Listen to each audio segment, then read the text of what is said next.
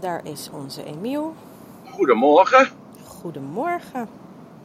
Hoe is het met jullie allemaal? Ja, goed. Mooi Je zo. zit in de auto, hoor ik. Ja, ik zit in de automobiel.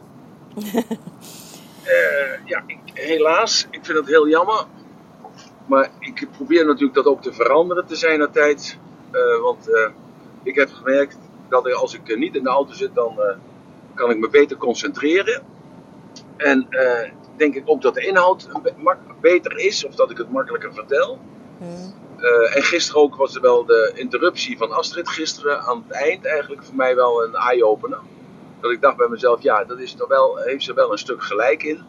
Eh, dat ik altijd met mijn ogen dicht zit. Eh, ja, dat houdt tegelijkertijd in dat ik niet zie wat er gebeurt on screen. Dus ik moet dat veranderen. En eh, dus op die manier ook contact houden met de room zelf. Dus niet alleen met het podium, maar ook met de room. Eh, waardoor ik ook eh, dan, eh, wat dat betreft, dan meer ac- interactiever kan zijn van mijn kant. Dat ik bijvoorbeeld kan vragen van, dat ik iemand dan kan pingen om te vragen van, gods, ik heb jou al een keer eerder gezien of ik, ik heb je nog nooit gehoord of wil je wat vragen? Misschien dat ik ze dan op die manier dan kan verleiden om naar het podium te komen en dan toch iets te zeggen. Omdat ik toch ervaar eigenlijk eh, dat komt ook door dat gesprek met Astrid dat ik dat ben gaan spiegelen. eh, dat ik ook ervaar dat mensen het eh, problematisch vinden om mij te onderbreken. Ja, En, nou, dat is op zich is dat denk ik ook wel fijn om dat te horen aan de ene kant. Want het is natuurlijk zo, men weet dat ik praat uit mijn hoofd. Ik heb al meerdere keren uitgelegd dat ik daar heel sterk visueel in ben. Ik heb die visualiteit heb ik ontwikkeld op de lagere school. Omdat ik, eh, kun je mij goed verstaan trouwens? ja prima. Oké, dat heb ik ontwikkeld op de lagere school. Eh, toen de tijd bestond nog geen autisme, eh, ADHD, dyslexie, dat bestond allemaal nog niet. Je was gewoon stom. En ik zat dit op de lagere school, school 15. En toen, ja, ik zat helemaal achteraan. Want dat was gewoon toen de tijd zo, degenen die slim waren, die naar, de, die naar de HBS gingen, of naar de MULO, die zaten voorin. En eh, als je naar de school ging, de huidige VMBO, dan zat je zo'n beetje middenin. En achterin, en achterin zaten de, de typetjes die verloren waren. Nou ja, daar zat ik dus in. Eh, de typetjes die verloren waren. En eh, ja, ik haalde dienovereenkomsten natuurlijk ook eh, de cijfers. Die altijd laag waren. Maar mijn vader keek alleen naar gedrag en vlijt. En daar had ik alle twee een acht voor. Dus op de een of andere manier viel die leraar er toch wel op dat ik mijn best deed. En dat deed ik dan ook op mijn manier, omdat ik niet kon onthouden eh, wat er eh, stond geschreven. Dat kon ik niet onthouden. En, maar ja, ik wilde natuurlijk niet stom gevonden worden. Dat was, dat was zo even iets in mijn hoofd. Van, eh, ja, ik wilde niet stom gevonden worden. En toen heb ik mezelf aangeleerd om beelden te maken. En beelden te maken van datgene wat er verteld werd. En ik heb mezelf aangeleerd dus om die beelden dan te herhalen. Eh, als er eh, een, een, repetitie was of een proefwerk was. Eh, of als er een herhaling was. Of als er een ondervraging was. Of je mocht een spreekbeurt geven. En van daaruit, dus die, dat beeld, dat verdwijnt heel snel. Dus je moet, je, je moet eigenlijk zo zien, naar mij, als ik aan het praten ben, dan, dan heb ik een soort bandje, een videoband waar ik naar kijk. En die praat ik na.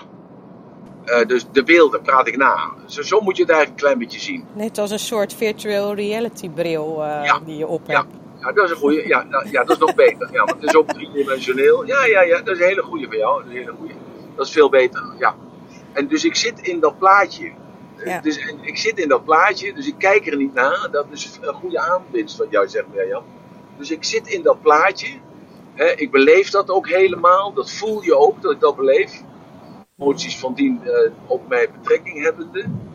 En dan, eh, ja, en, en als je daar naar uitgetrokken wordt, die film die gaat verder. Ja. Alleen ik, ben dan, eh, ik zet die bril even af.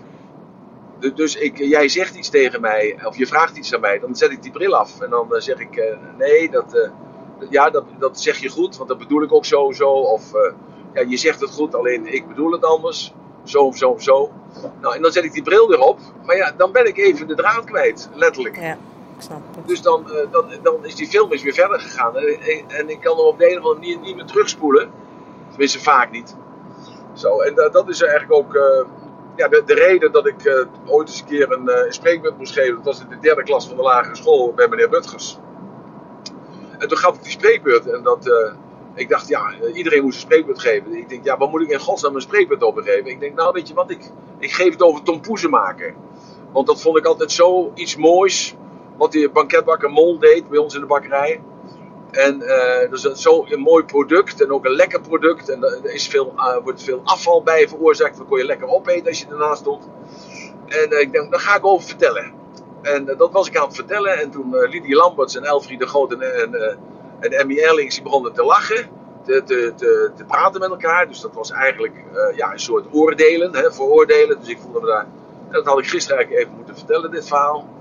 En die begonnen, mij dus, die begonnen over mij te praten, althans dat dacht ik. En daardoor raakte ik mijn tekst kwijt. Dus ik, ik stapte uit die film. Maar toen stapte ik tegelijkertijd in een andere film. En die andere film waren. Ja, er zaten twee konijntjes op het grasveld. Dat was begane grond. En ik kon naar buiten kijken. En er stonden madeliefjes en, en kleine zonnebloemetjes. En weet ik veel wat er allemaal nog meer stond. En ik, ik praatte zo door van het ene filmpje naar de reality. Wat buiten op het, buiten op het grasveld gebeurde. En, uh, en, en daarna kon ik zo weer terugvallen in die film. En kon ik verder praten over die tompoezen. En uh, terwijl ik praat, praat ik ook nu weer van dat beeld af wat ik dus voor me zie. En uh, ja, toen kreeg ik een 10 voor een spreekbeurt van meneer Rutgers. Dat is de, de, enige keer dat ik een 10 heb gehad op school. En dat was voor die spreekbeurt dat ik had over tompoezen. Dus dat is een traumatische ervaring geweest voor mij. Oh, maar wel, wel heel opvoedend. Ja, ik snap Zo, dus het. daar komt het vandaan. Oké. Okay. Maar goed, ja. um, voordat we verder gaan, ga ik iedereen even nog een keer goedemorgen wensen op deze maandagochtend, nieuwe start van de week. En we gaan het vandaag hebben over Body Logics. Even een voorproefje op het event, wat 11 september uh, gaat plaatsvinden in uh, Elspet, een hele gave locatie. En uh, mensen hebben daar misschien vragen over, over het event zelf. Maar misschien ook uh, wat gaat er gebeuren. Het stukje van het programma. Ook al heb jij, alleen jij dat in je hoofd, Emiel. wat natuurlijk heel vrij is om dat zo te doen. Um, en, nou ja, en het Body Logic zelf. Wat heb je daaraan? Wat kan je ermee? hoe kan je het inzetten? Uh, voor wie is het, uh, is, het, is het geschikt om het te kunnen gebruiken? Ja, misschien, ik denk wel voor iedereen, maar goed, misschien toch mensen met een bepaald vak die daar iets meer uit kunnen halen. Dus ehm, ik wil even nog melden dat het wordt opgenomen. En heb je vragen of aanvullingen, wil je iets kwijt, dan kan dat altijd naar clubhouse.ratelband.com. En ik zou zeggen, laten we van start gaan. Ehm, ja, zo nog vragen of er wat mensen op het ja, podium willen komen? ook dat gaan we nog even vragen. In. Heel goed van jou. ja. Dus denk jij, uh, wil jij al iets weten over Body Logic zelf? Of uh, mensen komen er gewoon bij. Uh, ook als Emiel aan het praten is, mag je gewoon, als je op het podium bent, hem gewoon inbreken in zijn verhaal. En um, dus ik verzoek, of ik verzoek, ik vraag vriendelijk wie er omhoog wil komen. Steek je hand op en wij nodigen je uit. En uh, volg het, uh, dit uh, verhaal. Oké, okay, op nou. dit moment nog niet, maar we gaan gewoon beginnen. Ja, oké, okay, goed.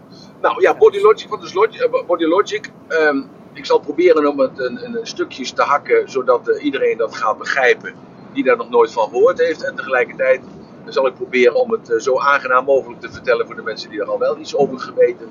En die hebben misschien het e-book gelezen, of het boek zelf gelezen, uh, of die zijn op een event geweest. Waar komt Body Logic vandaan? Body Logic komt vandaan omdat ik als kind de noodzaak voelde van hoe komt het nou dat de een altijd succes heeft of, en de ander heeft altijd pech. Uh, ik zag al op hele jonge leeftijd dat er mensen waren, en dan, dan voornamelijk ouderen, uh, die uh, succes hadden in zaken. Die zagen er goed uit. Die hadden, naar mijn blik, toen de tijd een goede relatie. op wat voor niveau je dan ook denkt als kind van 8, 9 jaar. Maar in ieder geval, ik zag daar verschil in. En ik zag verschillen als bijvoorbeeld we zondagmorgen een kopje koffie gingen drinken. Althans, mijn ouders, en mocht ik mee.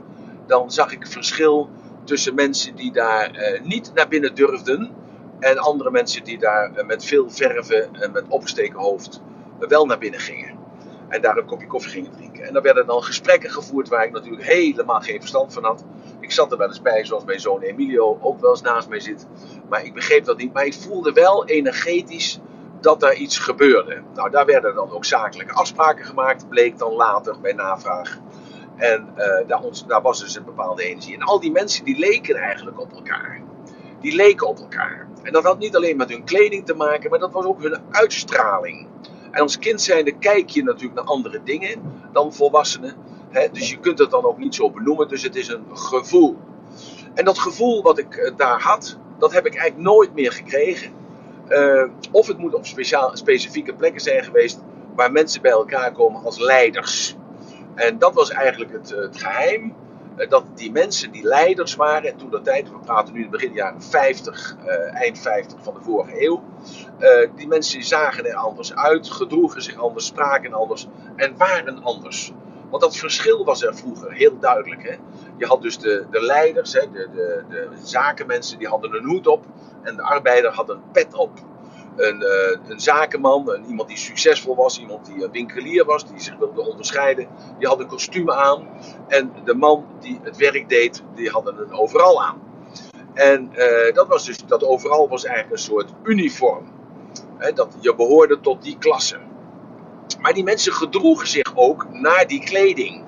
Dus degene die zich netjes aangekleed had en een, een, een, hoed op had, gedroeg zich anders, gaf een andere hand, rookte sigaren. Uh, ja, hij sprak anders, hij was anders. Maar allemaal in mijn ogen, hè? allemaal in mijn ogen als kind zijnde. En ik zag dat verschil. En ik zag ook het verschil van staan. En dat was hetgene wat mij eigenlijk triggerde. Dat, dat die mensen in hun overal die waren heel vaak klein en gebogen. Maar nogmaals, allemaal geen vooroordelen, maar dat was dus van een kind van acht jaar zo zag. En daardoor werd ik getriggerd. Ik dacht bij mezelf, zou het dan iets met je houding te maken hebben? Zou het iets met je uiterlijk te maken hebben? Zou het iets, gewoon iets anders zijn als goed je best doen op school? En ik, ik deed wel mijn best op school, maar dat lukte gewoon niet, want ik was gewoon stom. Althans, die leraar had gezegd dat ik stom was. Dus ja, als die leraar dat zegt, dan was dat zo. En mijn vader was dat gaan geloven. Die keek alleen maar naar uh, gedrag en vlijt. Nou, en als ik daar, ik, ik gedroeg me netjes. Dat vond de leraar, daar kreeg ik een acht voor. En ik deed mijn best. Nou, dat was de intentie. Dus dat vond mijn vader ook goed. Dus ik werd alleen maar beoordeeld op deze twee houdingen, attitudes. Gedrag en vlijt. Twee achten.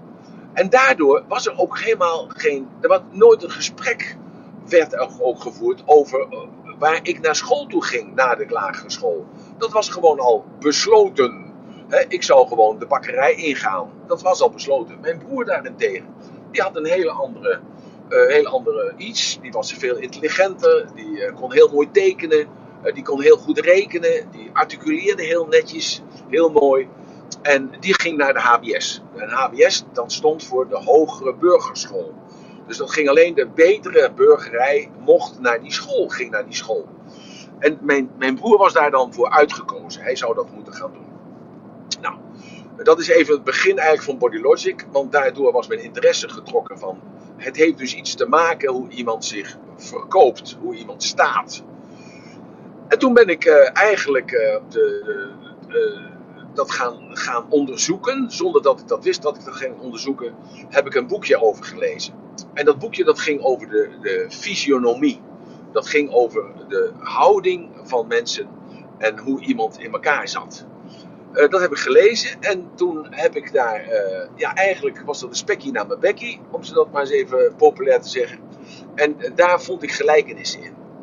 En toen kwam ik op het ergens, dat was een jaar of 13, 14, kwam ik erachter dat meneer Aristoteles, en dat was natuurlijk een, ja, een, een soort wijze man, Aristoteles, die had dus daar een boekje over geschreven. Dat heette een traktaat. En uh, ik weet nog steeds niet waar dat woord traktaat voor staat, maar dat was een traktaat. En hij had er geschreven dat eigenlijk dat wij mensen afstammen van de dieren. En de dieren hebben allemaal een uiterlijk, omdat dat functioneel is. Want de eerste ontmoeting die dieren met elkaar hebben, is eigenlijk altijd visueel. En dat uiterlijk bepaalt of hij gevaarlijk voor mij als ander dier zou zijn of niet. En zo had hij bijvoorbeeld, keek hij naar de vos, dat die spitsig was. En dat hij eigenlijk heel slim was. Hij keek naar de olifant. Uh, ik dacht toen nog niet bij mezelf van hoe kan dat nou dat iemand uit Griekenland 3000 jaar geleden al weet hoe een olifant eruit zag. Dat kon ik me nog niet bedenken, dat heb ik me later wel bedacht. En hij zei dus die uh, olifant is goed en zullig en die heeft uh, ronde vormen. En toen dacht ik, ja dat, dat is allemaal zo. Kijk, dus als je al een beetje open staat daarvoor, dan zie je al snel datgene wat je zelf bedacht hebt. Dan krijg je daarvoor een bevestiging. En hij vertelde dat een slang gluiperig was en glibberig was en onbetrouwbaar was. Zo, en dat, uh, dat vond ik hele mooie denkbeelden. Dus daardoor heb ik mij daardoor, ik ben daardoor gaan bekwamen. En uh, ben ik op oudere leeftijd heb ik daar cursussen over gevolgd. En ik ben in Roemenië geweest bij een mevrouw die sprak twee weken over, over de oren. Eén week over het linkeroor, andere week over het andere oor.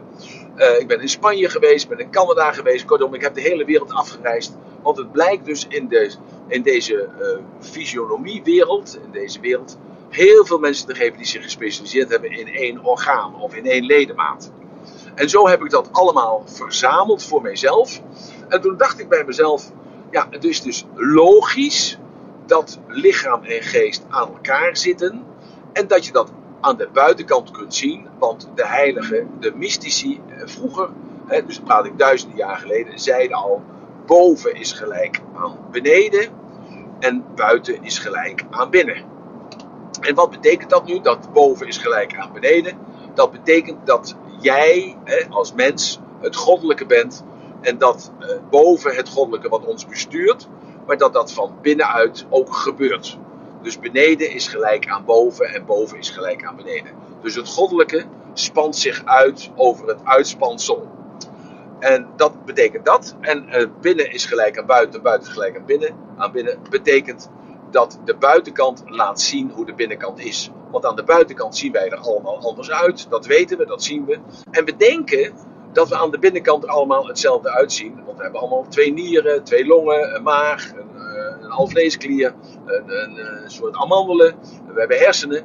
En we denken dat dat allemaal hetzelfde is. Maar dat is niet zo. Want als ik jou open zou snijden en ik zou jouw longen naast de longen van de buurvrouw leggen, dan blijkt dat jouw longen een andere vorm hebben.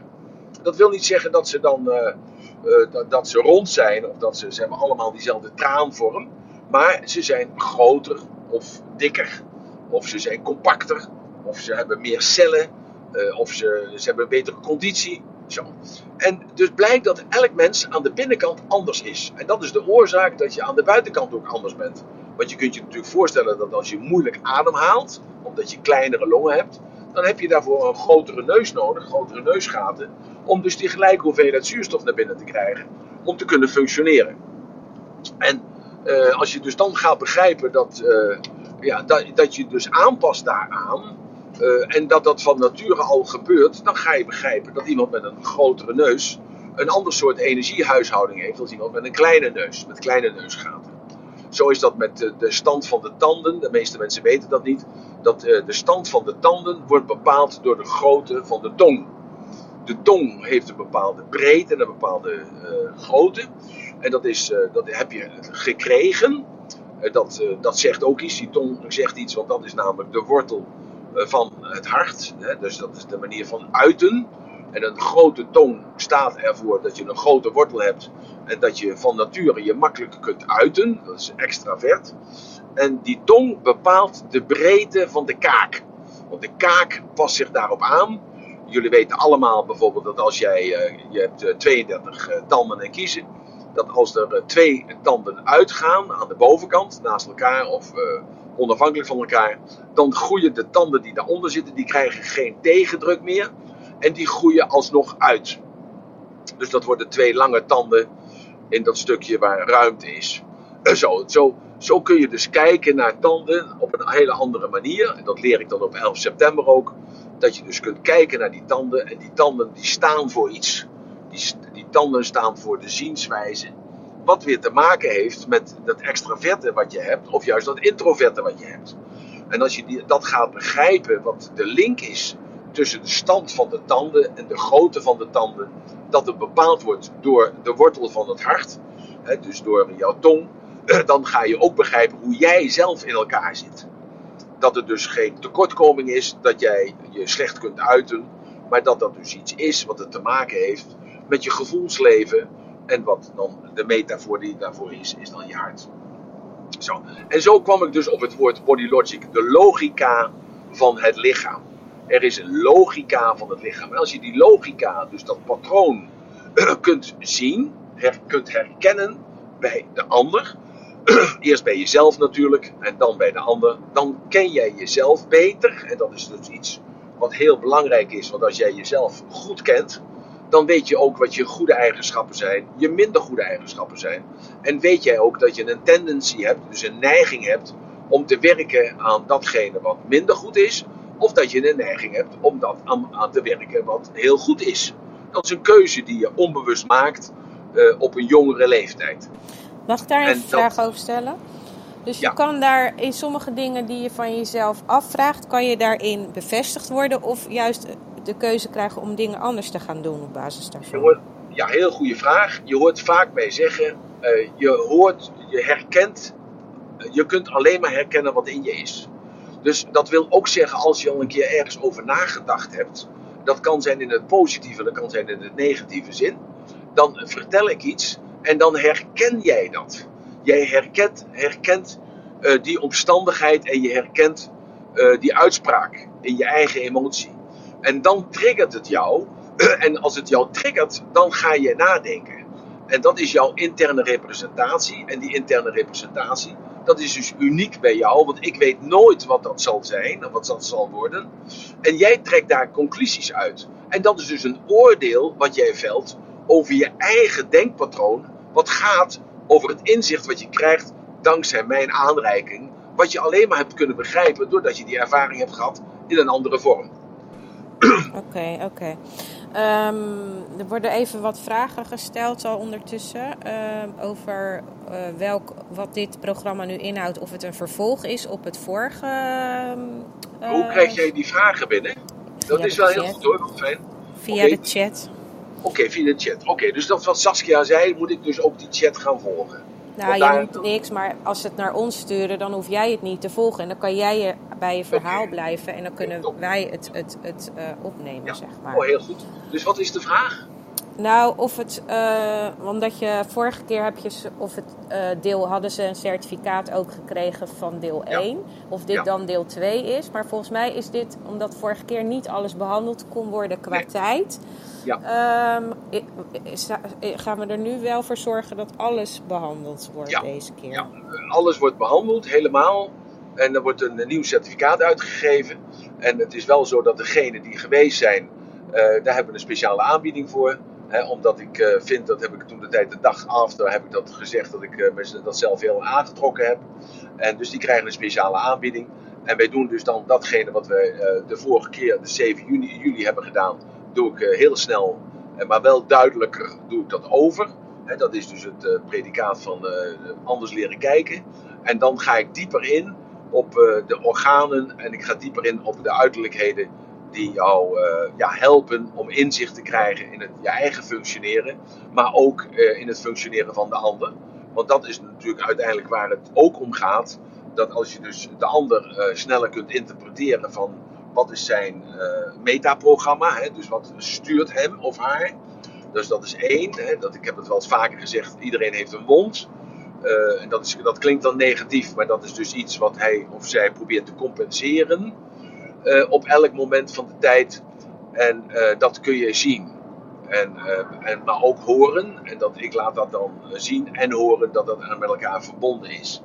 En daardoor kun jij in je verkoopgesprek, en of dat nou verkoopgesprek nou een therapie is, of het is het, het aanbieden van een dienst, of het is het verkopen van een brood, om het maar eens even simplistisch te houden, of het is een, het verkopen naar je kinderen, een soort opvoedkundig bezig zijn als jij je kind al uh, in kan schalen uh, in een bepaalde categorie, waardoor jij weet van oké, dan komt mijn boodschap sneller door. Want daar gaat het uiteindelijk om. Opvoeden is alleen maar een kwestie van stapelen, zoals ik dat al eerder uitgelegd heb. En je, kunt, uh, je moet beginnen. En dat stapelen, dat, als je dat, dat is een heel zorgvuldig proces. Want als je de boot mist in deze, en dat wil dan zeggen je bent de communicatie kwijt, ja, dan gaat hij of zij, het kind dus, hallucineren. En dat wil je dus niet. Want je wil eerst die richtlijnen geven waar, die jij zijn belangrijk vindt. Dat fundament maken. En als jij weet dat jij dat fundament gemaakt hebt, dan kan op dat fundament dat kind zelf verder bouwen. En dan kan dat kind eh, daardoor ook zijn eigen zelfstandigheid creëren. Maar er is wel een fundament voor nodig. En als jij weet dat jij dat fundament goed neergelegd hebt. En dat kind wordt uitgezonden in de grote wereld met alle grote gevaren van dien. Denk maar aan uh, drugsgebruik, denk maar aan ontvoering, denk maar aan misbruik. Denk maar allerlei vreselijke dingen die je dagelijks in de krant leest. Ja, dan weet jij in ieder geval dat jij je kind die stabiliteit hebt gegeven. Dus geen balans en geen harmonie. Dat woord dat schrap ik uit mijn vocabulaire. Dus dat kind die stabiliteit hebt gegeven dat hij of zij vanuit die stabiliteit, vanuit dat vertrouwen wat jij hebt hem geleerd en het vertrouwen wat hij of zij in jou heeft, dat hij dat uh, met al die uh, uitdagingen kan, uh, kan handelen en daar dan ook een evenwichtige beslissing in kan nemen in het belang van zijn eigen lichaamsgeest. Dus dat, daar is Body Logic ook heel veel, goed voor geschikt. Ik kan zeggen uit ervaring, ik heb zelf acht kinderen. Elk kind is anders. Uh, ik dacht vroeger nog van wat bij de een werkt, werkt bij de ander ook. Nou, dat is dus absoluut niet waar. Dat ben ik zelf met schade en schande heb ik dat ook moeten leren bij de eerste vier. En ik kan je wel vertellen dat de vijfde, uh, dat die een hele andere opvoeding had gekregen dan die eerste vier. Dat kan ik je wel zeggen. En uh, nummertje 6 en 7 hebben weer een andere opvoeding gekregen als nummertje 5. En ik kan je wel vertellen dat Betteke op een hele andere manier opgevoed wordt dan de eerste vier. Dat staat daar nou, geen 180 graden vanaf. Dat is de totaal andere kant, kan ik wel zeggen. Ja, dit staat er nog veel verder vanaf. En als ik zie dan de ontwikkeling die zij nu doormaakt in uh, haar eerste 13 maanden. Ja, dat is een ontwikkeling die, uh, die ik denk uh, dat mijn eerste kinderen pas meegemaakt hebben na 26 maanden. Zo, dus ik gebruik die Body Logic nu ook veel meer in mijn opvoeding en veel meer in mijn communicatie met andere mensen. Ja, en ik begreep dat je, dat je dat hoorde ik je van de week, vorige week een keer zeggen, dat je meer praktijk uh, dingen gaat doen, toch? Ja. Dat mensen meer gaan uh, oefenen om het toe, echt toe te passen op elkaar ook. Ja, ja, ja, want daar was dus toen geen tijd voor, allemaal excuses, maar het is zo. Dus meer uh, duidelijk anders leren kijken en anders leren voelen zodat we sneller gaan van het proces van onbewust incompetent, dus niet weten hoe je dat, dat je het niet weet en niet kan, dat je gaat naar de fase van onbewust competent. Dus dat je in ieder geval al de vaardigheid hebt om dus de externe dingen die erop liggen, dus bijvoorbeeld de neus, de lengte van de armen, de vingers, dat je daar naar kijkt en dat je daar dus conclusies uit kunt trekken. Is, dit staat ook wel een klein beetje haaks op gisteren van het oordelen. Want je, je, je doet dat al vanuit nature, doe je ieder iemand in een vakje douwen, omdat het efficiënt is en effectief is in, de, in je leven. Je hebt ook leren etiketteren bij de Calvé pindakaas of de, de Vens hagelslag. Of juist uh, je neemt een product wat uh, van, van de fabrikant, hoe noem je dat, van de Jumbo zelf is. Een huismerk, een huismerk. Of je neemt alles een huismerk, want het maakt niet uit wat erop staat als er maar Albert Heijn op staat of Jumbo op staat. Zo, dus dat, dat leer je sneller onderscheiden. Dus ik maar het gaat ook vaak onbewust, toch? Ja, nee, alles gaat onbewust op dit. Ja. Want dit is namelijk iets wat je bewust uit, wat je onbewust uitvoert. En, en, dat is eigenlijk ook het belangrijkste om dat te zien. Dat als kind zijn de eerste drie, vier jaar, als je dus gewoon zelf bent. Daarna ga jij je omwikkelen, hè, omwikkelen met allerlei gedrag. Om jezelf te kunnen verkopen, om jezelf te kunnen beschermen. Uh, om je, je uh, indekken, hè, dat leer je dan. Hè, dus dat is, dat, zijn, dat, dat is een omwikkeling met allerlei uh, fatsoensnormen, zoals die dan gelden in onze cultuur. Maar tot aan die tijd ben jij gewoon een, een, blanco, uh, een blanco iets, een blanco schrift. Uh, niet helemaal, maar toch wel een blanco in de waarneming. Hè. Dus die, die stemming, de, de filter van de waarneming is de stemming, het gevoel wat je hebt. Nou, als kind zijn heb je dat gevoel, maar je hebt nog geen overtuigingen je overtuigingen zijn nog. Dus je bent naïef. Dus je neemt de werkelijkheid waar zoals die is. En dan zie je dus als kinderen onderling met elkaar spelen, werken. Dus dat zie je in de eerste klas van de laag uh, van het groep 1. Of je ziet dat op de, de kinderopvang. Dan zie je ook een soort rangorde ontstaan. Hè, dat de werkelijke leider uh, wordt al geaccepteerd door die andere kinderen. De, de, de werkelijke creatieveling die wordt al werkelijk geaccepteerd als creatieveling, als, als voorbeeld voor, door de andere kinderen. Degene die sociaal is, die eh, laat zijn sociale kant zien door als er iemand valt gelijk eh, erbij te zijn en te troosten. En uh, degene die de arbeider is, die zit met zijn handen in de klei. En, of zit met de blokjes bezig en die te stapelen op een bepaalde manier. Zo, dus je ziet al, als kind zijnde, zie je al de contouren van zijn of haar toekomst. Want het lichaam liegt nooit. Het lichaam liegt nooit. Dat, dat, dat kan eenvoudigweg niet. Want dat is namelijk één. En ik, ik wil alleen nog even vertellen hier, dit, dit, dit kleine stukje wat ik kan vertellen is dat ik dus ook een stukje theorie laat zien uh, hoe jij zo wordt. En wat de input is van de ziel. Dus er, is, er komt ook een soort godsbewustzijn bij. En ik herinner mij de, de, de laatste twee keer dat ik een seminar gaf uh, voor Body Logic. Uh, was dat nogal een hot item. Dat mensen dat niet konden accepteren. En daar ook zeiden ook, ik ben atheïst. Ik geloof in niets. Nou, als je niets gelooft, dan geloof je ook in niets. Maar dan bleek dus toch al heel snel dat zo'n beetje halverwege, driekwart van het seminar, van de dag dat we samen waren, dat mensen toch wel een beeld kregen van, ja nee, er is toch een sturend iets. En hoe je dat ook noemt, of je dat nou karma noemt, of je noemt dat het, het universum, of je noemt dat nou God, of je noemt het het vader-moeder-principe, of het licht of de energie.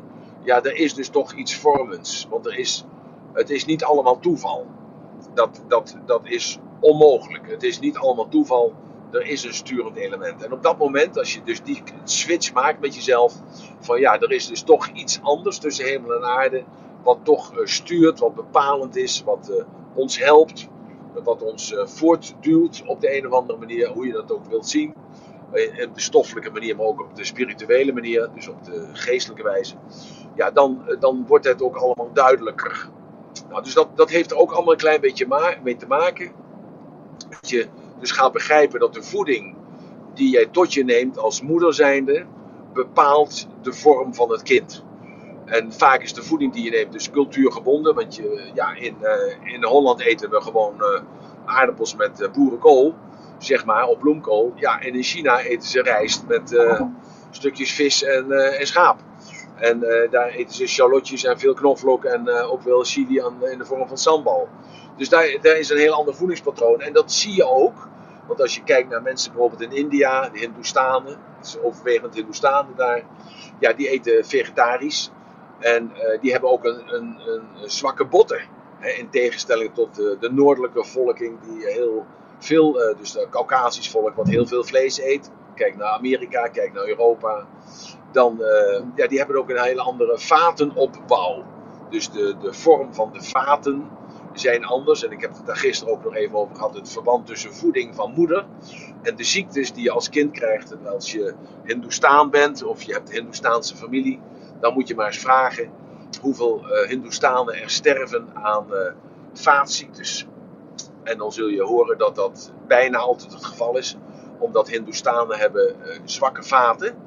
En die zwakke vaten die kunnen knappen doordat er een klontje bloed in zit. En de Noorderlinge, Caucasische bevolking, geen ras. Want een ras zijn mensen die met elkaar een kindje kunnen krijgen. Dus de mens is het ras.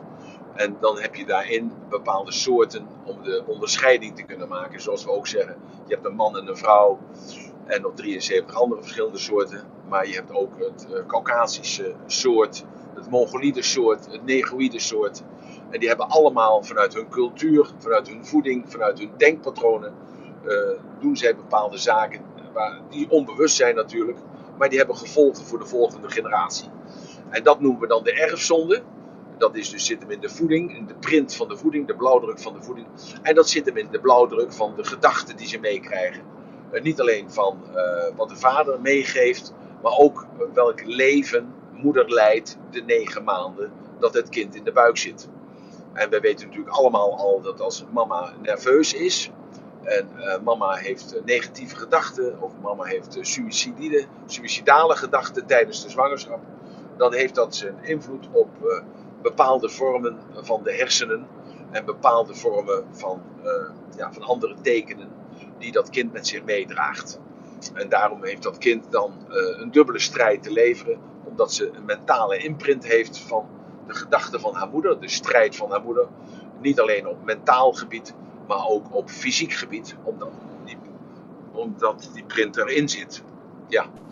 Deed ik wat fout? Ben ik er nog? Ja hoor, je bent er nog. Je bent er nog. Ik, ik neem even gelijk de gelegenheid om even iedereen uh, te zeggen die nieuw binnen is gekomen, dat we het vandaag over Body Logics hebben.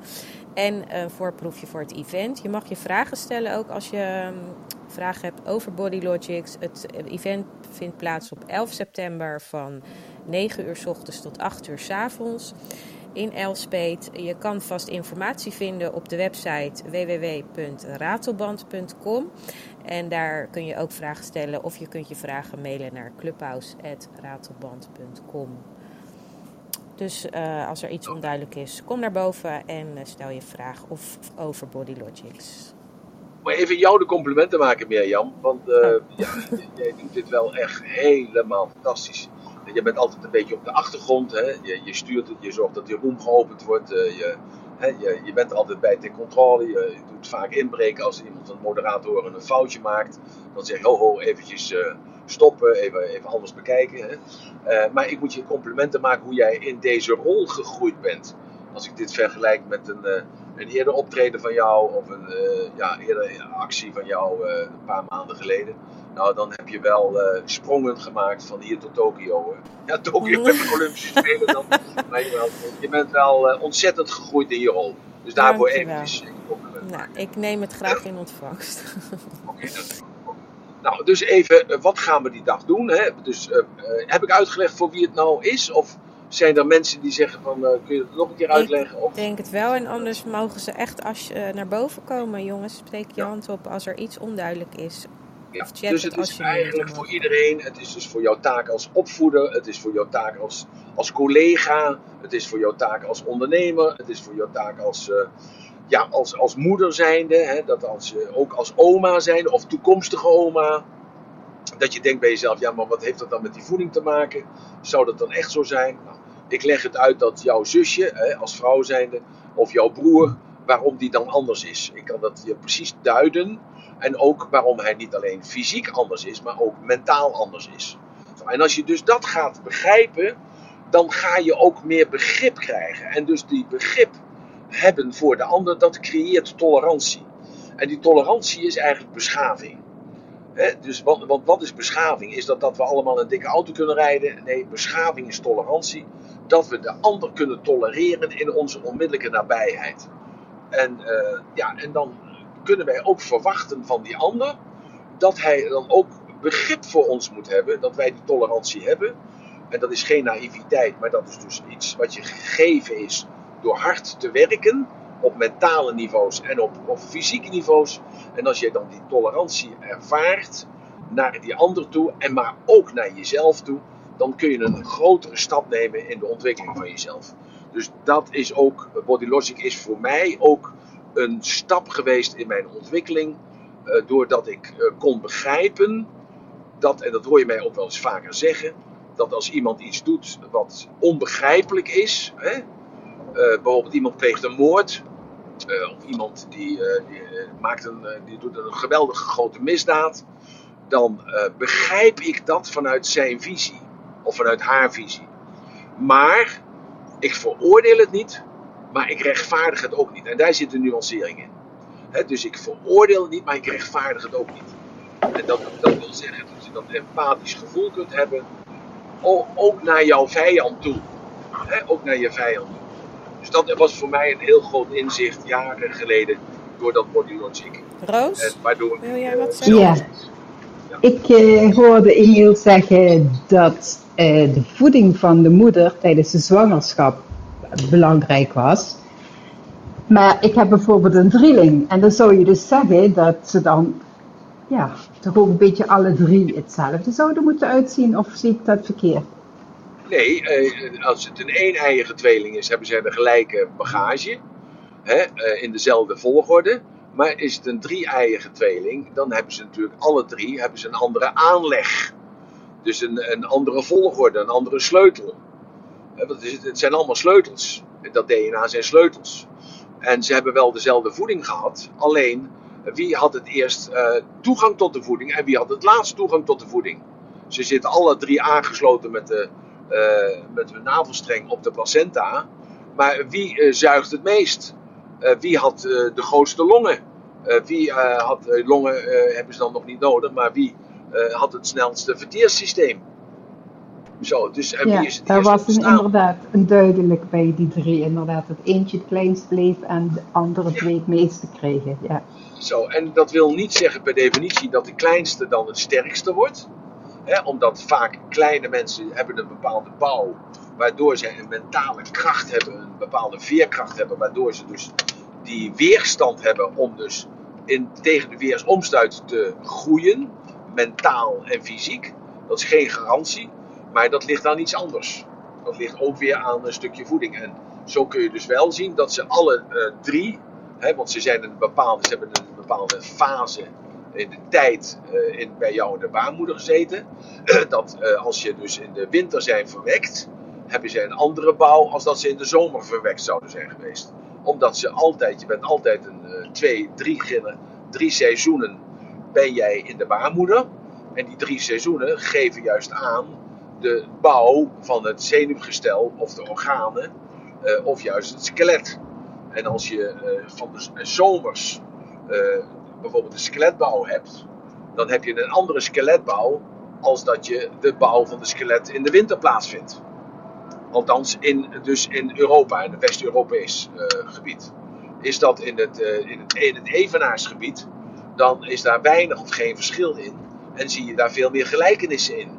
Er is wel een kleine differentiatie in, maar dat, dat verschil is, uh, is heel klein.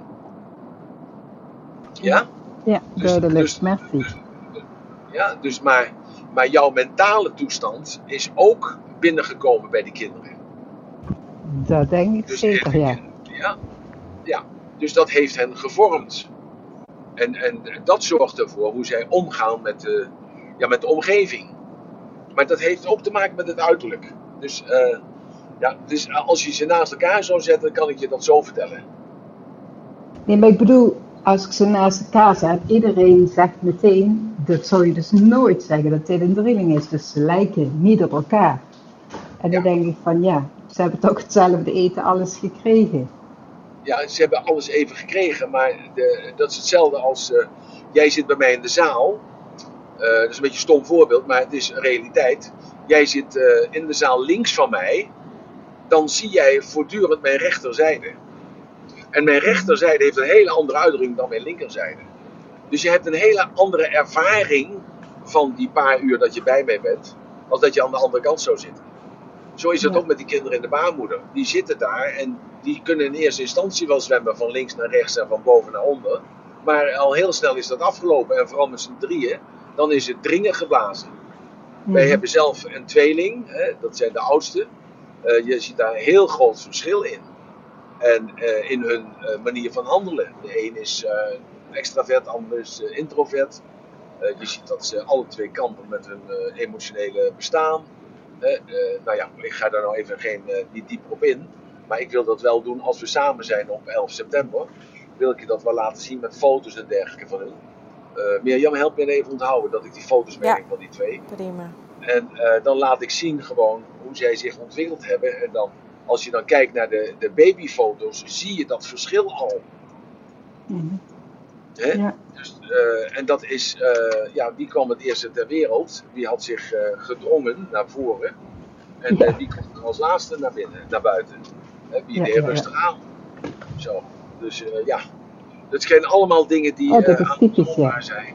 bijvoorbeeld het, bijvoorbeeld de, de, de keizersnee, dat weten we allemaal nu, dat weten we nu. Maar dat zorgt ervoor dat het eh, kindje zwakker is in aanleg, omdat het die antibiotica toegediend moet krijgen.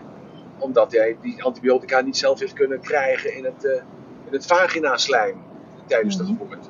Door alle smerigheid. Zo, dus uh, ja, dat zijn allemaal dingen, alles is te herleiden tot iets. En dat, dat herleiden, dat, dat zorgt ervoor, want we weten allemaal in ons leven wat wij doen, dat heeft een, een oorzaak, maar ook een gevolg. En dat zie je bij de, het kindje, wat uiteindelijk opgroeit tot een volwassene. Uh, komt hij in een keten van oorzaak en gevolg en wordt hij fysiek gedwongen bepaalde zaken te doen. heeft een neiging tot iets te doen. Dat, dat zit in hem fysiek. En dat zie je als je die kinderen bij elkaar uh, stopt. Dat was de eerste keer dat ik in Tropicana was in Rotterdam. Dus dat is echt jaren, jaren, jaren geleden. dus ik kan wel zeggen, toen waren Rols en Emilio, uh, en, uh, en Minou waren toen een jaar of vijf, zes. Dus dat is 40 jaar geleden. En daar viel het mij ontzettend op dat die kinderen met elkaar speelden. Allemaal. Bruin, wit, zwart, geel, groen door elkaar heen. Accepteerden elkaar. En tegelijkertijd zag je daar ook in gelijk een soort dominantie van bepaalde kinderen. En je zag daarin een, uh, kinderen die zich terugtrokken. En uh, ja, omdat ik toen al gehoord had van die vormen van Aristoteles, zag ik toen daar de bevestiging in. Dus jij weet dat, onbewust weet je dat. En onbewust gedraag je je daar ook na. Want als je kijkt naar de compensatie die je doet, door middel van kleding, door middel van, door middel van uh, make-up, door middel van uh, ja, injectables vandaag de dag, door middel van die compensatie uh, van schoenen, hoge schoenen, lage schoenen, hoge hakken, lage hakken, die compensatie daarvan accentueert juist die tekortkoming. Die jij zo ervaart als tekortkoming.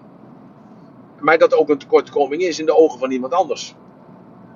Dus jij weet dat. Dus dat is, niet, dat is een onbewust proces. En juist door de kennis haal je dat onbewuste proces haal je naar boven, dat het een bewust proces wordt. En dat, dat doe je eigenlijk met alles. En op het moment dat je dat inzicht hebt in dat, dat jij dat al doet, haal je die herkenningspunten naar boven.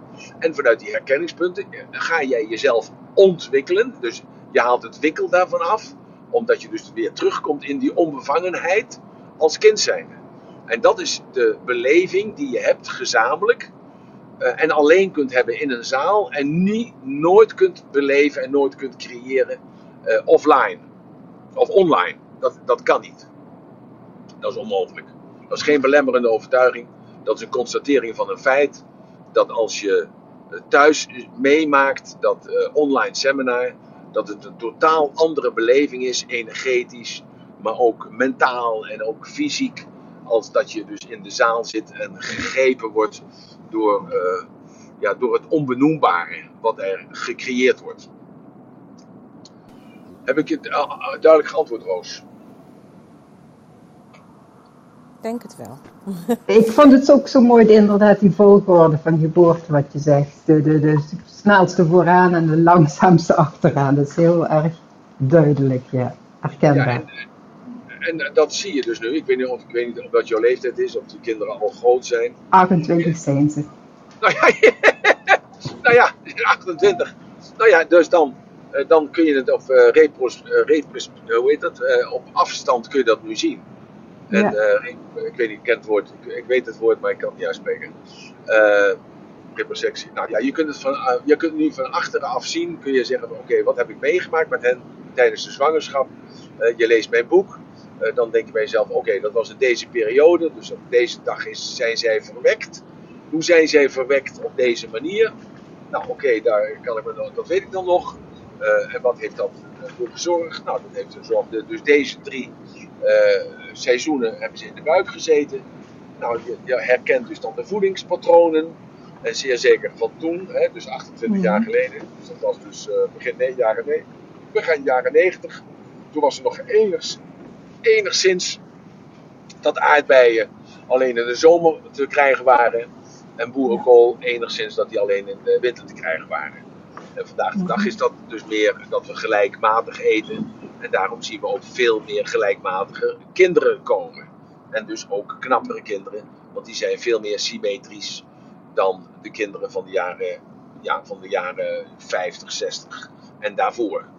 En in de jaren 70 begon dus eigenlijk dat die voedselketen uh, na ons uh, completer werd. En dat we gedurende 12 maanden uh, de winterse dingen konden eten, maar ook de zomerse dingen konden eten. Nou ja, okay. is er nog een vraag? Ja, Daniel is ook op het podium en je had het over het boek. En het boek wat jij geschreven hebt over Body Logics, dat krijgen we, krijgt men ook bij, bij het seminar. Ja, ja, dat krijgen we bij het seminar. zodat men ook terug kan bladeren achteraf. En terug kan bladeren en kan zeggen van oké, okay, ja, dat heeft hij verteld, het is te snel gegaan. Maar ik kan het zien op weer die bevestiging. Uh, ja, op de voorpagina staan een aantal politici. Dat heb ik, die heb ik er bewust opgezet. Uh, zodat het ook herkenbaar voor jou is waarom die Ascher het nooit gaat redden. dat leg ik dan ook uit. Thierry staat er voorop, uh, Wilder staat er voorop. Uh, dus als je de kennis hebt van Body Logic, ga je ook begrijpen waarom Wilders eigenlijk zijn taak op een, een hele andere taak heeft dan om te regeren. en dat begrijpen waarom hij dan ook dat kabinet heeft laten ploffen.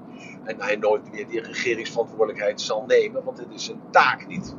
En je ziet Baudet daarop en Klaver uh, zie je er ook nog op. En dan leg ik dan ook uit wat zijn motivatie is.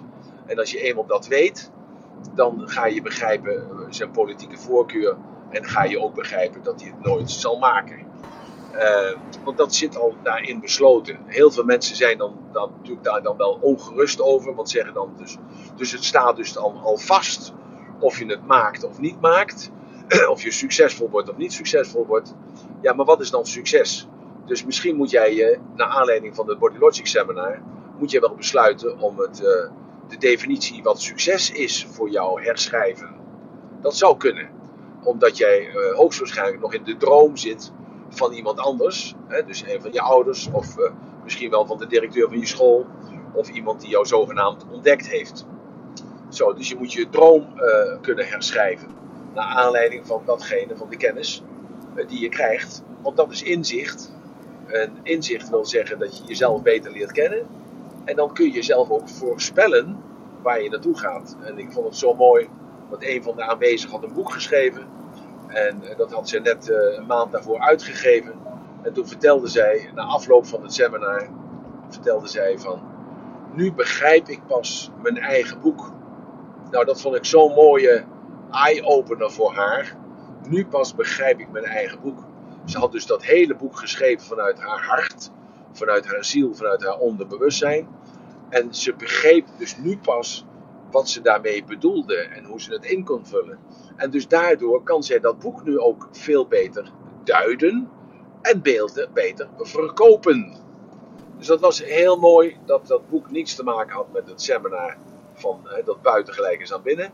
Maar het gaf wel een ontzettende eye-opener voor haar. En dus was het het, uh, het investeren van de tijd en de energie en van de financiën dubbel en dwars waard geweest. Ja, want ik wil daar ook nog even op inhaken. Want we hebben ook een mooie aanbieding voor onze Clubhouse-luisteraars. Met een korting die we mogen geven. Speciaal. Dus, maar goed, daar kom ik later even op terug. Daniel, wil jij al iets uh, vragen of toevoegen of iets? Hi, goedemorgen allemaal. Um, Goedemorgen. Het was um, even uh, gewoon een observatie wat ik had. Soms zit je te kijken naar van die uh, schilderijen van mensen, van die edelen van 100 jaar oud. En dan valt het toch soms wel op dat zeg maar, hun vormen en hun gezichtsvormen, als je naar hun lichaam kijkt, dat lijken dan toch wel um, andere type mensen die je bijvoorbeeld tegenwoordig terugziet. Um, wat vind jij daarvan in? Ja, om te beginnen is dat datgene wat jij ziet, is niet de realiteit. Kaan geweest. Daar staan dan al die borstbeelden van al de keizers en al de wetenschappers, de wijsgeren en dergelijke, staan daar verzameld in een zaal. En toen zei die, eh, dat vond ik zo treffend, toen zei die uh, excursieleider of de, de, de guide, zeg maar, de gids, die vertelde dus van ja, maar er was wel een beeld van hoe je zou moeten zijn als wijsgeer, of als arts, of als politicus, of als keizer. En dat, uh, zo maakten zij dan ook die buste. Zij maakte die buste dus niet zoals Nero er werkelijk uitzag. Nee, Nero uh, die maakte een buste zoals zij dachten op dat moment dat een rechtvaardige keizer eruit moest zien. Zo, dat is eigenlijk het antwoord, uh, kerel. Hè? Uh, er waren geen foto's van de, 17, van jaren 1700, maar er zijn wel foto's van, van eind vorige eeuw. Of er zijn wel foto's van de eeuw daarvoor, dus in, in 1900. Daar zijn wel foto's. En daar zie je dus dat die Body Logic zoals hij vandaag de dag opgeld doet, dat hij dat toen de tijd ook opgeld deed. Uh, en als je dan zou kijken naar bijvoorbeeld iemand als Napoleon, die is best wel ja. uh, omschreven en ook hè, met zijn neus, dus dan zou ik me afvragen. Uh, zo iemand, dus, dan vraag ik me dus af of je zo iemand dus heel erg succesvol zou tegenkomen in het, in het zakenleven nu, of misschien in de politiek. Wat was het unieke aan Napoleon? nou, hij was natuurlijk wat, wat kleiner. en ik, hoe, hoe klein was hij?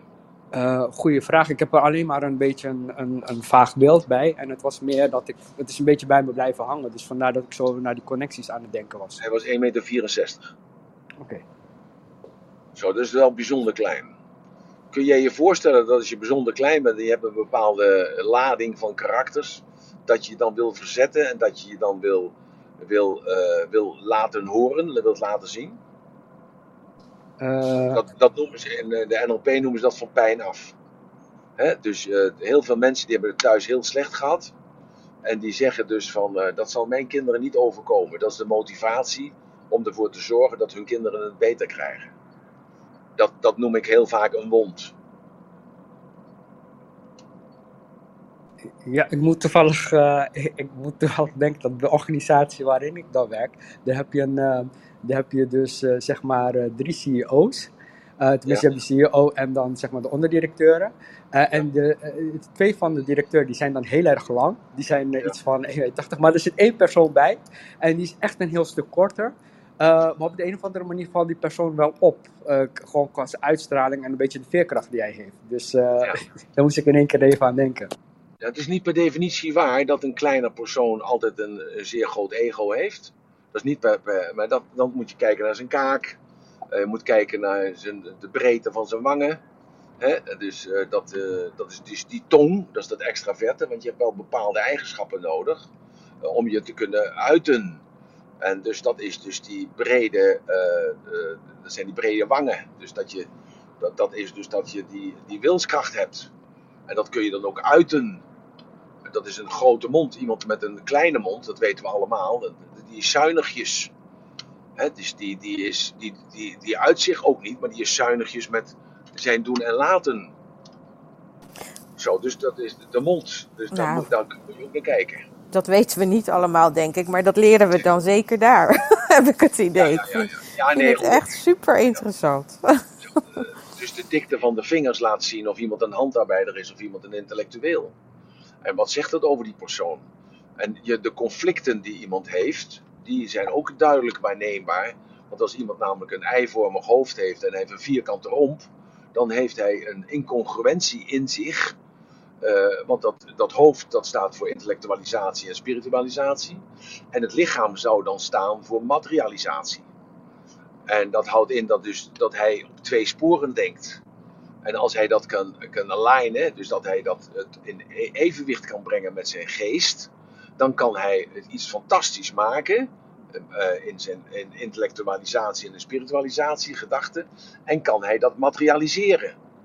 Maar zou hij een, een klein hoofd hebben, een, een eivormig hoofd hebben, een eivormig lichaam, dan blijft hij of zij blijft altijd hangen in de gedachte van om te zoeken en niet om te vinden. Zo, dus dat, dat zie je meteen. Ja, nou, iedereen kijkt naar zijn handen gelijk en dan kijkt naar zijn torso en kijkt naar zijn hoofd in de spiegel.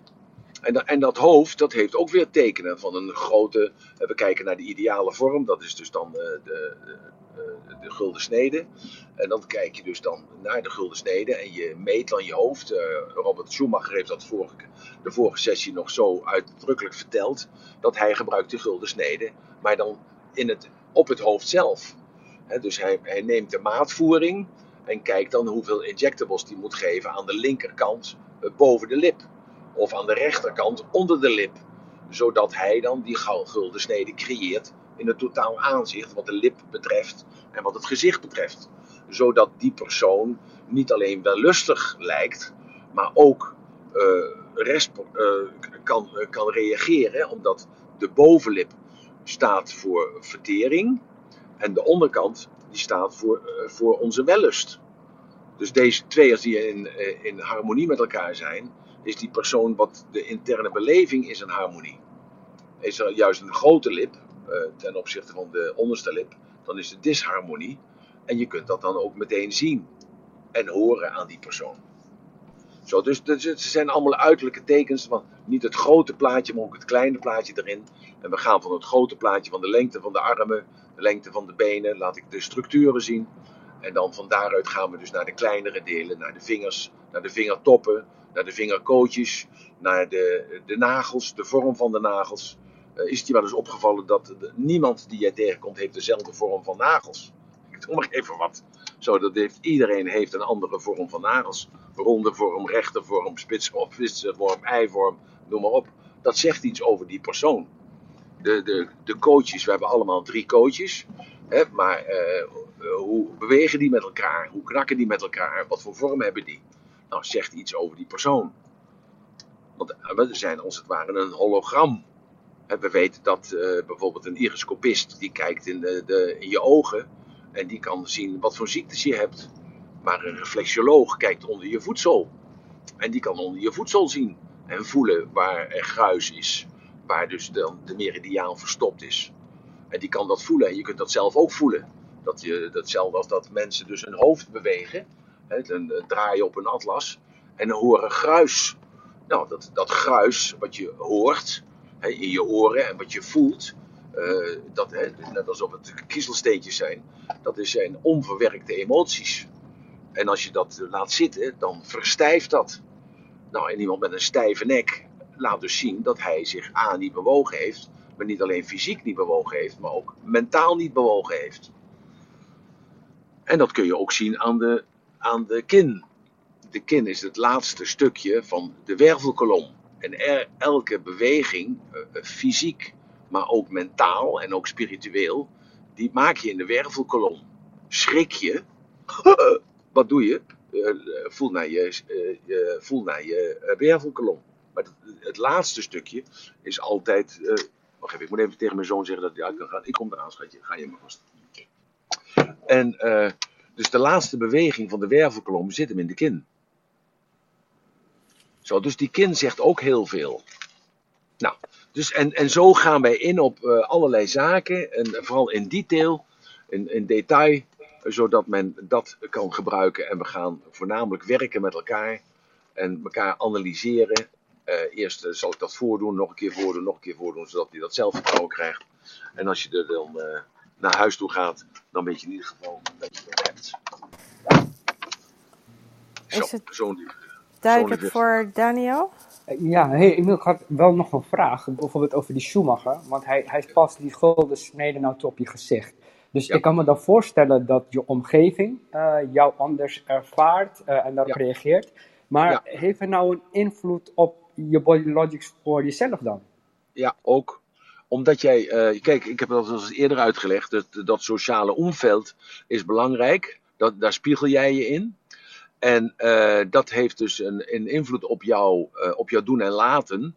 En uiteindelijk verandert je focus dus ook. Dus door dat doen en laten. En die focus bepaalt je denken. Je denken bepaalt je gevoel. Je gevoel bepaalt je, datgene wat je doet, je gedrag.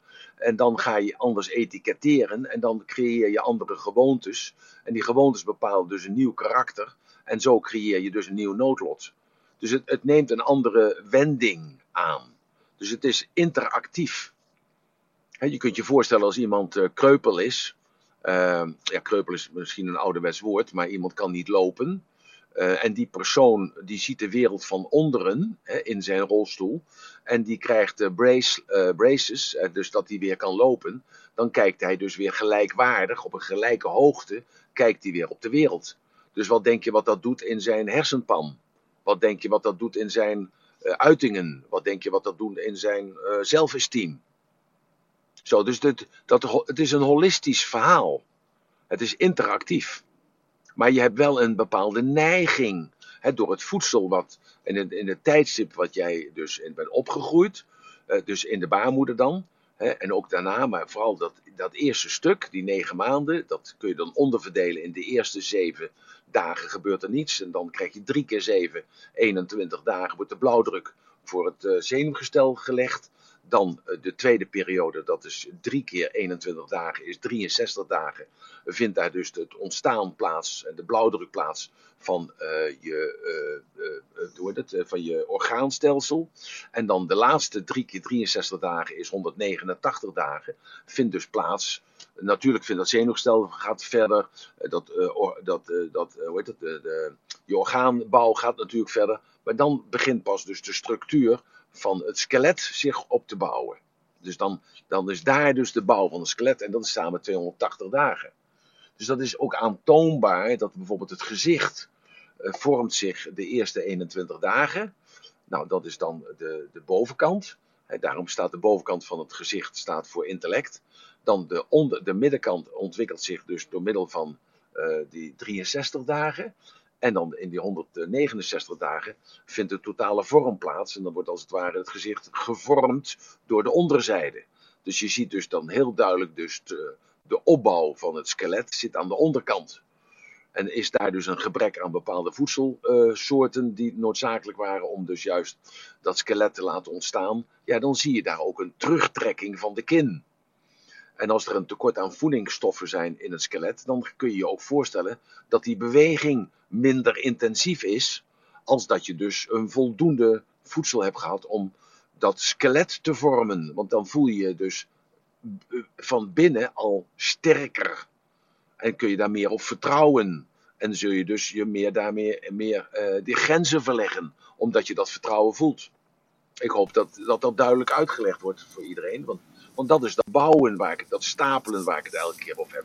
Stapel je dus op zelfvertrouwen in beweging, of stapel je op zelfvertrouwen in kennis, of stapel je in zelfvertrouwen omdat de ander jou erkent. Dat zijn andere manieren van stapelen.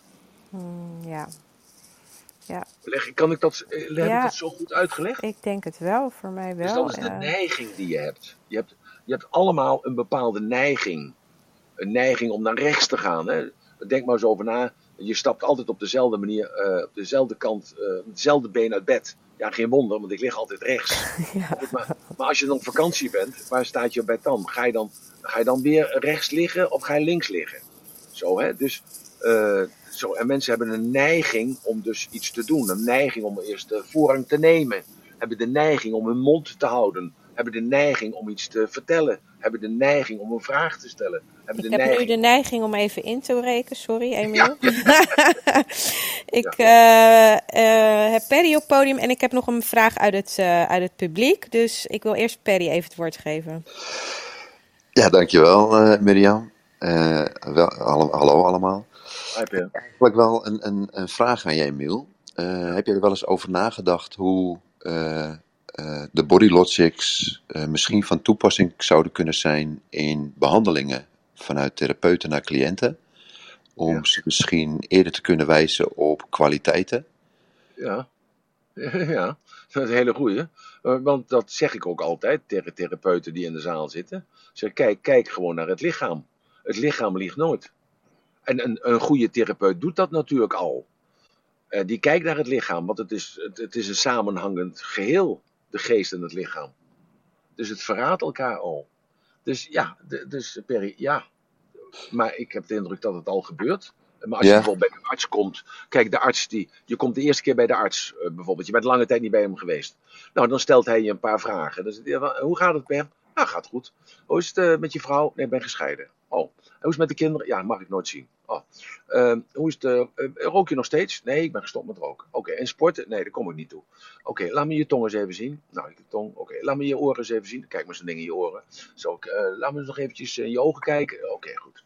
Ja, oké. En hoe is het met je werk? Ja, ik ben werkloos. Want ja, je begrijpt wel van de stress van de scheiding. En de kinderen niet mag zien dat het niet goed met me gaat. Nou, hij schat jouw biologische leeftijd gelijk 30% ouder in als dat je bent. Ja, ik, ik, kan wel, ik kan wel melden dat mijn psychiater uh, niet die lichamelijke onderzoek gedaan heeft, uh, uh, fysiek zeg maar. Maar ja, ik kan er misschien wel van uitgaan dat hij enige kennis van die gulden snede heeft. Dat weet ik zeer zeker. Want je kunt zien dat iemand die geestelijk onvolwaardig is, ga maar eens naar een gekkenhuis. Dan zul je dat alle soorten mensen zien als dat je komt op, op, ja, op een, een gezellig café. En dan heb ik nog wel twee vragen, die zijn redelijk kort. Heb ik antwoord gegeven op je vraag? Ja, ja, ik heb wel antwoord gekregen. En, en misschien is het ook wel interessant voor de luisteraars om het, om het te horen. Um, heb jij er wel eens over nagedacht, Emiel, om ook al een leerling in de hand te nemen? Of heb je die uh, aanbiedingen wel eens gehad? Want, want het lijkt mij zo interessant dat jouw werk uh, ja, voortgedragen wordt. En niet van, alleen vanuit het boek wat je geschreven hebt, maar ook uh, fysiek heet dat volgens mij. Ja.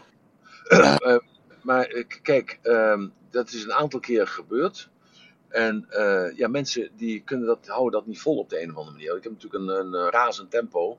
Ja. En uh, ja, het, het is, uh, want het zit er natuurlijk niet besloten alleen in dat seminar. Het zit er niet besloten alleen in dat boek. Natuurlijk niet. Het is een hele een soort manier van leven. Waardoor je, ja, waardoor je die kennis vergaart. En waardoor je die kennis kunt uitoefenen. Zoals ik vorige week zondag bij een kennis van een vriendje ben geweest. Om hem te helpen met het overgaan. Maar we hebben dat proces eh, kunnen stoppen. Uh, ja, en dat is natuurlijk, dat, dat is een soort, ja, dat kan niet iedereen aan. Dat kan niet iedereen aan. En dat is al gebleken door de mensen die mij wilden volgen in het verleden. Dat is niet een garantie dat dat de rest dan altijd zal mislukken. Maar ja, je moet nogal wat in huis hebben om dat tempo bij te houden, uh, zeven dagen, 24 uur per dag. En dan ook uh, open te kunnen staan voor, uh, voor dingen die je niet begrijpt, waar je nog niet aan toe bent. Ja, dus dat is het antwoord, Perry. Maar, ja? het, maar, maar, het is toch wel zo dat jij wil proberen met Body Logics dat mensen dat zelf ook kunnen gaan teachen? Ja, dat is wel iets, ja. Oh, dat is goede dat jij dat weer zegt. Ja, dankjewel. Uh. Ja, Thierry, dus dat is wel, uh, Perry, uh, dat heb ik wel nu me voorgenomen dat de mensen dus die nu komen, die ga ik wel intensiever begeleiden om Body Logic coach te worden. En ik ga ze begeleiden met, het, met het, het, het, het, faciliteren van seminars die ze zelf gaan geven, waardoor zij zich kunnen bekwamen en dan zal ik daar een stukje van op meenemen. Dus dat, ik ben ook zeker van plan, ik ben ook zeker van plan om jouw boek, uh, boek te gaan bestellen als ik het geld uh, beschikbaar heb. Ik, ik heb hem al wel digitaal uh, via ja. Ginger ontvangen, maar ik wil hem gewoon fysiek in mijn handen hebben. Ja. Mm, schakel ik naar de laatste vraag en dan, dan ben ik wel klaar met, met spreken en vragen. Um, kan jij het verschil, of als er al een verschil is, duiden tussen hallucineren en visualiseren? Is hetzelfde. Is hetzelfde. Daar bedoel je mee dat er zelden verschil tussen is? Of hoe? Nee, het is hetzelfde. Hallucineren is hetzelfde als visualiseren. Oh, hetzelfde zeg je. Ik dacht dat je ja, zei hetzelfde. Oké, okay, hetzelfde. Nee, hetzelfde. Ja, het, is hetzelfde.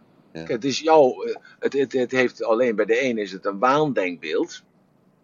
En de ander is het juist uh, visionair. Ja. Ja, dus kijk, mooi. Eh, in, de, in het kader van bijvoorbeeld de tijd, kijk naar Jules Verne ja, die had dus die hallucinatie of de visualisatie dat hij in 80 dagen de wereld om zou kunnen gaan. Ja, en, en, en hij had dan een stoommachine bedacht, weet je wel. Of aan eh, Leonardo da Vinci, die eh, was nog veel verder in de idioterie. Want het was natuurlijk een idioot. Alleen het kader, dus de paus, die zag zijn, zijn, uh, zijn genialiteit. Had hij buiten op straat gelopen en had hij tussen, tussen lagere geestesgenoten gelopen. Ja, die hadden dat niet gezien en die hadden hem uh, verbrand als zijnde heks.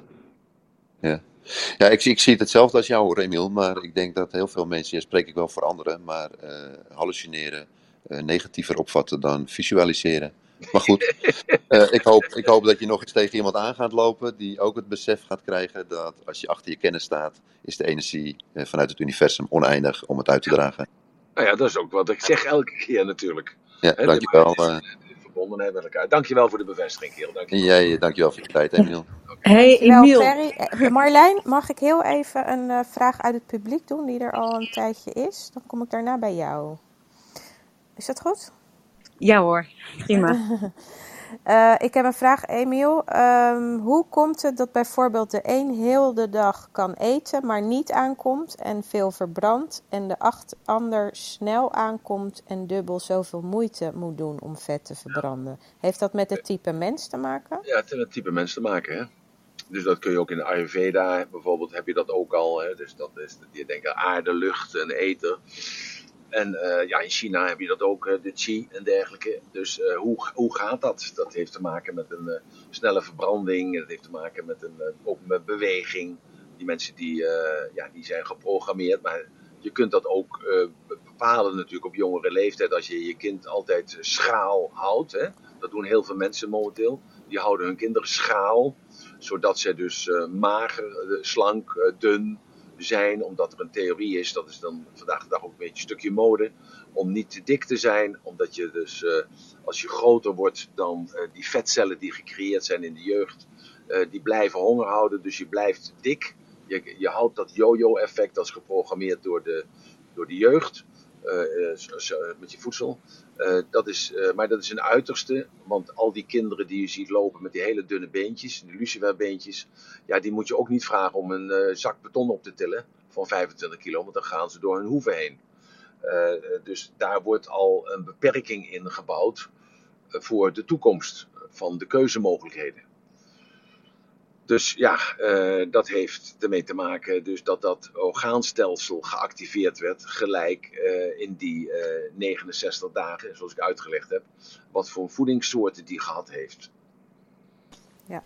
Wat bedoel je met schaal, Emiel? Schaal? Uh, nou, als je kijkt, uh, het is mode om uh, mager te zijn, dun te zijn, slank te zijn.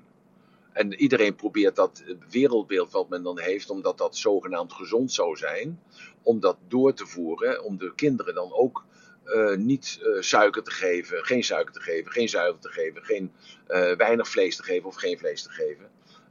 heel selectief te zijn met met drankjes en dergelijke. Ik, ik, maak, ik maak nog geen reclame voor cola of zo hoor. Of grote dikke stukken vet vlees. Dat hoor je me niet zeggen. Maar nee, uh, de, de, kinderen worden vandaag de dag opgegroeid van met, uh, ja, met weinig eten.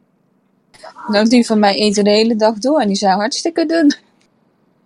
Ja, maar dus dan heeft dat een andere oorzaak. Dat kan zijn, dus dat, uh, dat dan moet je even kijken naar welke. Nou, jij bent erbij, denk ik, 11, 11 september, Marloes. Ja. Leuk. Nou, neem dan even mee dan de geboortedatum. Dan gaan we dat terugtellen. Dan gaan we kijken waar, in welke, welk seizoen uh, die 69 dagen zijn.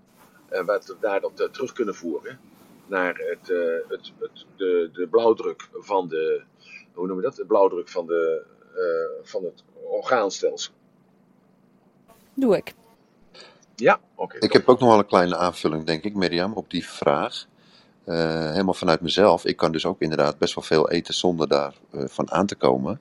Maar nou ben ik redelijk druk in mijn hoofd. En heb ik geleerd dat het hoofd, het brein, ook heel veel energie verbruikt. Dus ik denk als je eet en, en daarbij stilte creëert in je hoofd, dat dat ja, indirect ook werkt om ervan aan te komen.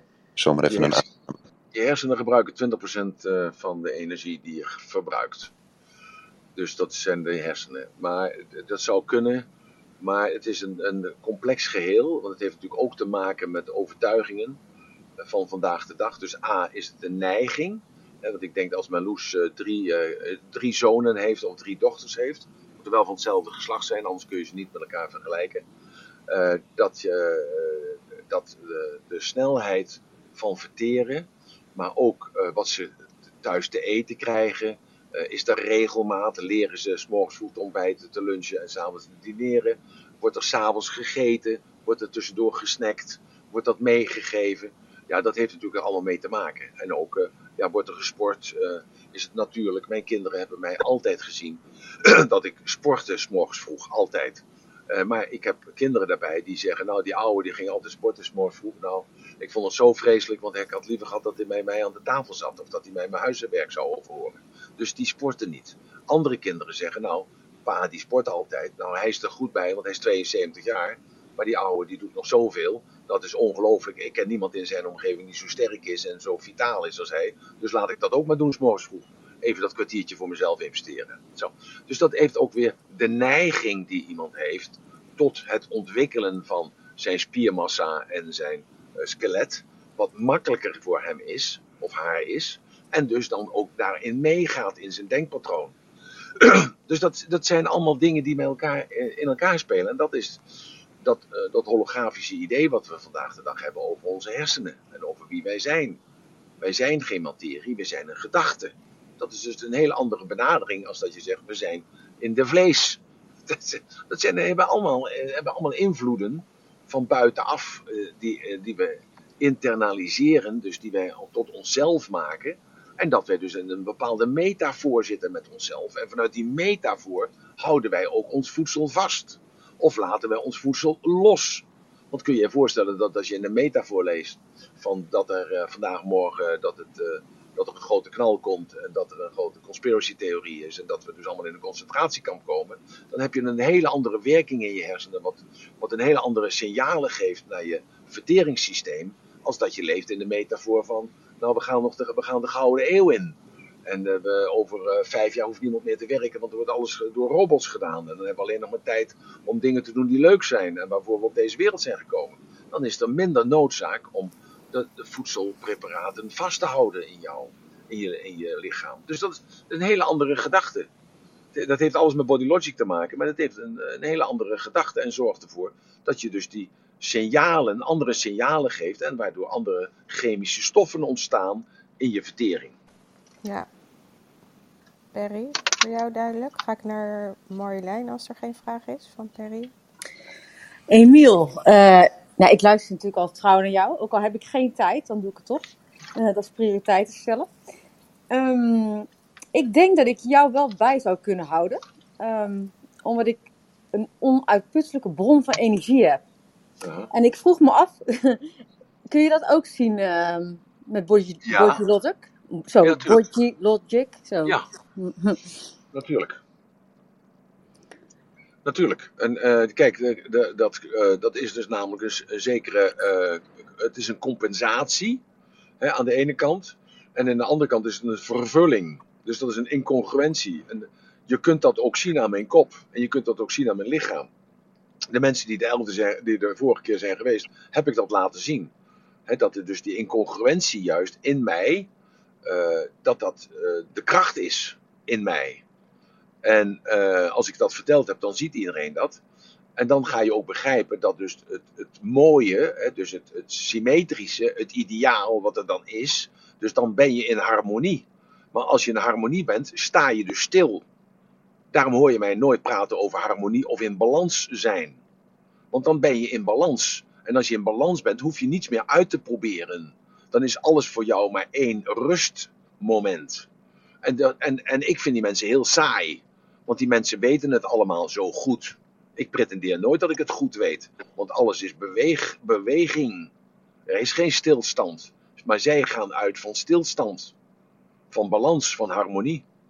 En nemen één moment waar en dat is het dan. En ik blijf in het leven staan. En ik blijf mee veranderen. Met de stroom mee. Heel mooi. Heel vaak wordt tegen mij bijvoorbeeld ook gezegd: ja, je komt er nog wel achter. Jij gaat ook nog wel een keer een burn-out krijgen. Dit kun je niet jarenlang zo doen. En ik heb echt gezegd: hou daarmee op. Want Ja. ik ben op alle gebieden gewoon in perfect shape. Lichamelijk, ik zorg goed voor mezelf. Ik kan dit handelen. Ik heb, geen, ik heb niet veel slaap nodig. Ik zeg: hou er op, mee op. Ik heb mijn moeder ook echt moeten aanspreken om ehm, daarmee te stoppen. Ja, maar je moet die mensen elimineren in je omgeving, omdat die zaadjes planten in je onderbewustzijn. Dus je moet als het ware een soort portier zijn voor je eigen, voor je eigen bescherming. Dat je op een zeker moment moet zeggen: Oké jongens, nou, we hebben het elke. Je, je hebt toch wel eens van die mensen die zijn eh, zo bedweterig over het klimaat, bijvoorbeeld. Weet je wel? Dus die zeggen van ja, het hele klimaat, want we vergaan met z'n allen, dus we moeten dit, we moeten dat, moeten zo. Dat is wel leuk om te horen, maar niet elke keer als je bij hem op verjaardagsvisite bent. Dan is één keer per jaar nog te veel. Zo, dus het zal best zo zijn dat het iets te maken heeft met datgene wat wij doen. Ja, maar tegelijkertijd zal het ook iets te doen hebben met onze regelzucht.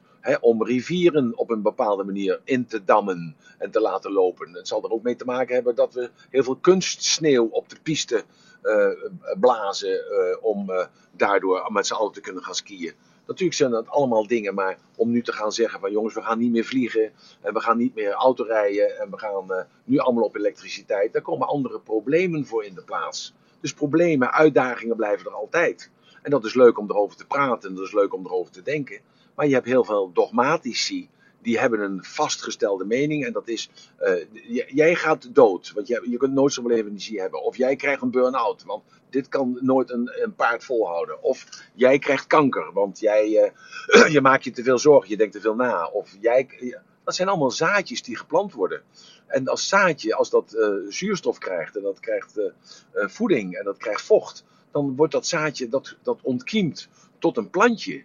En dat is onkruid. En dat is onkruid in, in jouw tuin. En jouw tuin zijn je hersenen. En daardoor kun je niet meer vrij denken. En daardoor ontstaan de blokkades. En in die blokkades zorgt ervoor dat er te weinig voedingsstoffen kunnen komen bij bepaalde cellen. En daardoor krijg je mutaties en daardoor krijg je dus kanker of hart- en vaatziektes. Maar zoals bij Hindoestanen bijvoorbeeld, die zijn allemaal, die, die, die, die eten al generaties geen vlees meer. Die zijn dan ook totaal verzwakt. Want als die vlees krijgen, gaan ze dood. Nou, dat is ook niet de bedoeling. De bedoeling is wel dat je wel vlees eet. Alleen, je moet het natuurlijk niet als een Amerikaan eten. Want die eten een steak van anderhalve kilo. Ja, nee, dat is natuurlijk ook niet de bedoeling. En dat zie je ook als je door Amerika heen loopt. Dan zie je die Amerikanen dus vooruit voorbij waggelen. Nou, dus dat is ook niet de bedoeling. maar het is ook niet de bedoeling om geen vlees te eten. Dat, want wij zijn dus geen carnivoor, maar we zijn ook geen herbivoor. We zijn een omnivoor. Kijk naar ons, uh, naar ons verteringssysteem. Zo, dus als je dat, dat is een tekort. En dat tekort zorgt ervoor dat niet alleen dat de botten broos zijn van Hindoestanen in India, maar die zorgt er ook voor dat ze heel veel last van staar hebben. En ze hebben heel veel last van dunne aderen, waardoor zij heel vaak overlijden aan hart- en vaatziektes. En check het maar, dan kom je erachter dat het zo is. Dus dat is cultuur uh, en generaties, hè, dus dat is cultuur, gedachte, overtuiging, maar dat is een gebrek. Dat is een gebrek. Ja. Ik ben in Nepal geweest vlak voor de corona. Waar ik uh, drie uh, ooghospitalen mee heb opgebouwd. Daar hebben heel veel mensen aan staar geopereerd. Schokkend ja. wat ik daar heb gezien. Ja. ja. Nou ja. En waar was dat? In Nepal. Uh, in het verboden koninkrijk. vlakbij Tibet. Ja, oké. Okay. Nou, nou, nou, dus nou ja, dus ik, ik, roep die dingen allemaal. Hier is de Raadman is hartstikke gek. maar je moet niet vergeten natuurlijk, toen ik riep in 1987 van uh, lichaam en geest zijn onlosmakelijk met elkaar verbonden. Toen zei iedereen, de Raadman is hartstikke gek. Ik weet nog dat 75% van de doktoren, uh, toen ik een seminar gaf at Elisabeth Gasthuis hier in Eindhoven, liep 75% van de doktoren liep de deur uit. Ja, want die zeiden lichaam en geest zijn zijn, zijn los van elkaar, hebben met elkaar niets te maken. En dat praat ik uh, 40 jaar geleden. Ik weet nog dat ik bij tandartsen zei van kijk, maar luister, als je kijkt naar de tanden, dat laat zien de geestestoestand van de persoon, van de patiënt, die in de stoel zit. Ha, ha, ha. Dus iedereen, ik zeg nou, ik zeg, ik durf nog harder te zeggen, ik zeg, iemand die dement wordt, die gaan zijn tanden gaan anders staan in zijn mond. Uh, niet alleen omdat ze denken anders wordt, maar zij geven andere signalen af naar de wortels. Zeiden de tandartsen met elkaar. En de 25% liep weg, want die dachten, nou, we kunnen in de kroeg, uh, aan de bar, kunnen we, kunnen we betere les krijgen als bij de ratelband. Ik werd wel, uh, binnen een maand werd ik gebeld door tien artsen. Die vertelden van, tandartsen die mij vertelden van, ja, je hebt wel gelijk, ik had het nooit gezien. Maar ik heb eens naar foto's gekeken van patiënten. En ik heb naar foto's gekeken van patiënten die, die oud werden. En ik heb gekeken naar patiënten die oud en dement werden. Ja, je hebt gelijk, Ratelband. Dus er is wel zeker een verbinding. Nou, dus ja, natuurlijk loop ik voorop. Ik ik roep al 50 jaar roep ik al van je moet je tanden poetsen niet voor het eten, maar niet na het eten, maar voor het eten. Nou ja, goed, je moet het zelf weten. Maar ik heb er een verhaal van. En als je nadenkt, dan denk je jezelf weer allemaal weer gelijk. Want het heeft te maken met het immuunstelsel sterker maken. Nou, dus... Emiel, ik ga even naar Robert, die is op het podium. En Mag je nog één zeggen? Dan ga ja? ik van het podium ja, af. Um, 11 september. Oh, ik had er zo graag bij willen zijn, maar ik zit in Zwitserland voor mijn werk. Ga jij doorplannen? Want ik wil heel graag... Nee. Uh, nee? Nee, okay. ik ga niet doorplannen. Ik ga, uh, dit is een van mijn laatste Body Logic seminars. Ah, nee. uh, omdat ik mij ga richten op iets anders, op een andere ontwikkeling. Dat is meer, het heeft te maken met metaforica. En het heeft ook te maken met het Clubhouse dat ik gewoon meer seminars ga geven over de inhoud van Clubhouse. Dus oh. dat is diverser. En niet alleen maar één onderwerp als NLP of als Body Logic of als metaforica, maar dat het meer gemengd wordt van alle onderwerpen bij elkaar. Omdat ik, ik ja. hoor en weet van dat mensen gewoon uh, meer willen hebben van de kennis en ja, van mijn ervaring op alle gebieden. En met Body Logic ga ik me dus voornemen dat uh, dit seminar uh, wordt van een aantal mensen die daar komen. En die worden opgeleid tot, uh, ja, tot Body Logic Expert. Daar zal ik hen mee helpen. Dus zoals, zoals Perry of Thierry mij net vroeg: van, heb je er wel eens over nagedacht om dat iemand jou volgt? ja, dat, dat kan dus dan. He, dan deze uh, groep van mensen die dus nu bij Body Logic komen, die zal ik verder helpen om uh, echt uh, gerespecteerd en gecertificeerd bodycoach te gaan worden. Oh, wat erg. Ik had zo graag bij geweest. Ik kan echt niet. Dus ik heb een mega kans in Zwitserland waar ik heen moet, want anders had ik echt gekomen. Dus daar baal het ik wel van. Het leven is keus. Het leven is ja. keus. Ja. Mag ik het voor we naar Robert schakelen nog even het opnemen voor de term harmonie? Ja, inspireert, inspireert, inspireert, mij wel heel erg, want hij wordt samen met liefde onder het getal 6 geschaard volgens mij.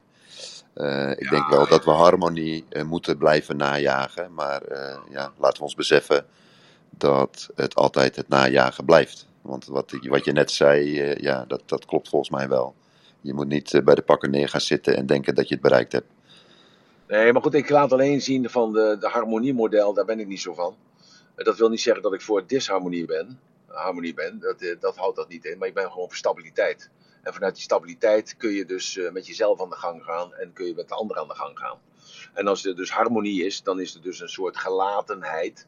En die gelatenheid is van, nou, uh, ik heb het bereikt en ik doe alles voor om die harmonie te houden. Maar goed, het kan ook een beperkende overtuiging van mij zijn, dus ik kan er misschien morgen anders over denken. Maar ik denk het niet. Oké, het is half elf. Ja, en ik, ik ga zo nog even een aanbieding doen. Dan word ik ook wel weer aan. En ik ga eer, we gaan eerst even naar Robert. En dan ga, mag jij eruit, ja. uh, Emiel. En dan ga ja. ik het even ja. afronden met de aanbieding.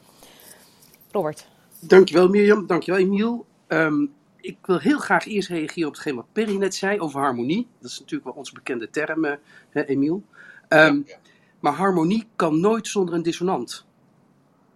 En daarmee heb je denk ik precies beantwoord wat je net zei, Perry een dissonant maakt dat er harmonie is en andersom. Um, maar goed. Ja, het, het, het een kan niet, het een kan niet zonder het ander bestaan. Oh, oh Robert, uh, helemaal fantastisch. Maar leg dat even uit. Want ik denk dat 99% van de mensen het niet begrijpt. Vertel even kunnen wat een dissonant is. Kunnen we dat morgen anders niet als onderwerp doen? Uh, maar ik weet niet of Robert morgen tijd heeft. Weet ik niet, dat vraag ik nu. Als Perry er morgen ook bij is, ben ik er morgen ook bij. Uh, ik ben erbij. Oké. Okay. Okay fantastisch. Nou, dit, is, dit is zo interessant, uh, Robert, wat jij nu aanstipt. Hè?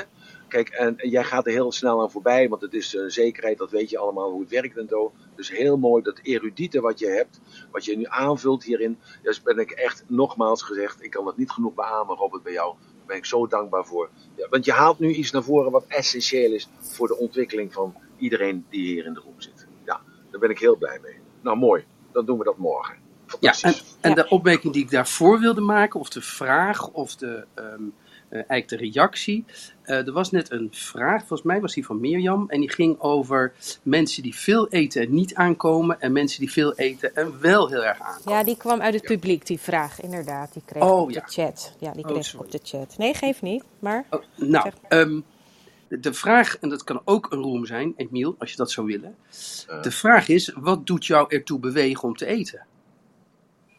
Want, want, de kernvraag was vroeger natuurlijk, ja, je moet eten om in leven te blijven. Je moet, je moet verbranden, er moet, er moet, er moet kolen of moet hout op het vuur, anders ga je dood. Ja. Ja, ja, maar, maar, in deze tijd, en misschien kan je dat met Body Logic ook verklaren, dat, dat sommige mensen die eh, nemen een stukje chocola, maar ze zijn teleurgesteld. Of ze zijn boos.